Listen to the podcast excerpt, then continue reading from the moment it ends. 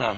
توجد عندي أسورة فضة من النوع القديم تلبس باليد وبقيت عندنا بالبيت بدون أحد يلبسها ثلاثة عشر عاما ثلاثة عشر سنة.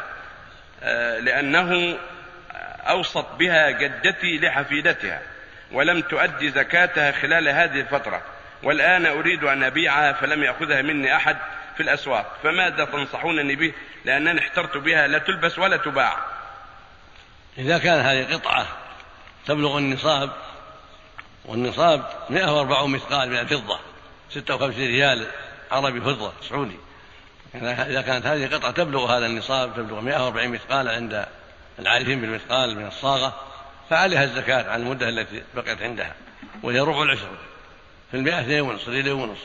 أما إذا كانت لا تبلغ هذا وليس عندها شيء من المال يضم إليها حتى يكون نصاب فليس عليها عنها شيء.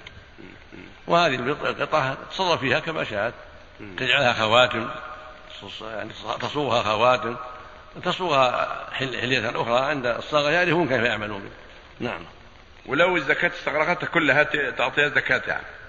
لا ما تستغرق. المدة الماقية ما تستغرق. لا تستغرق. نعم.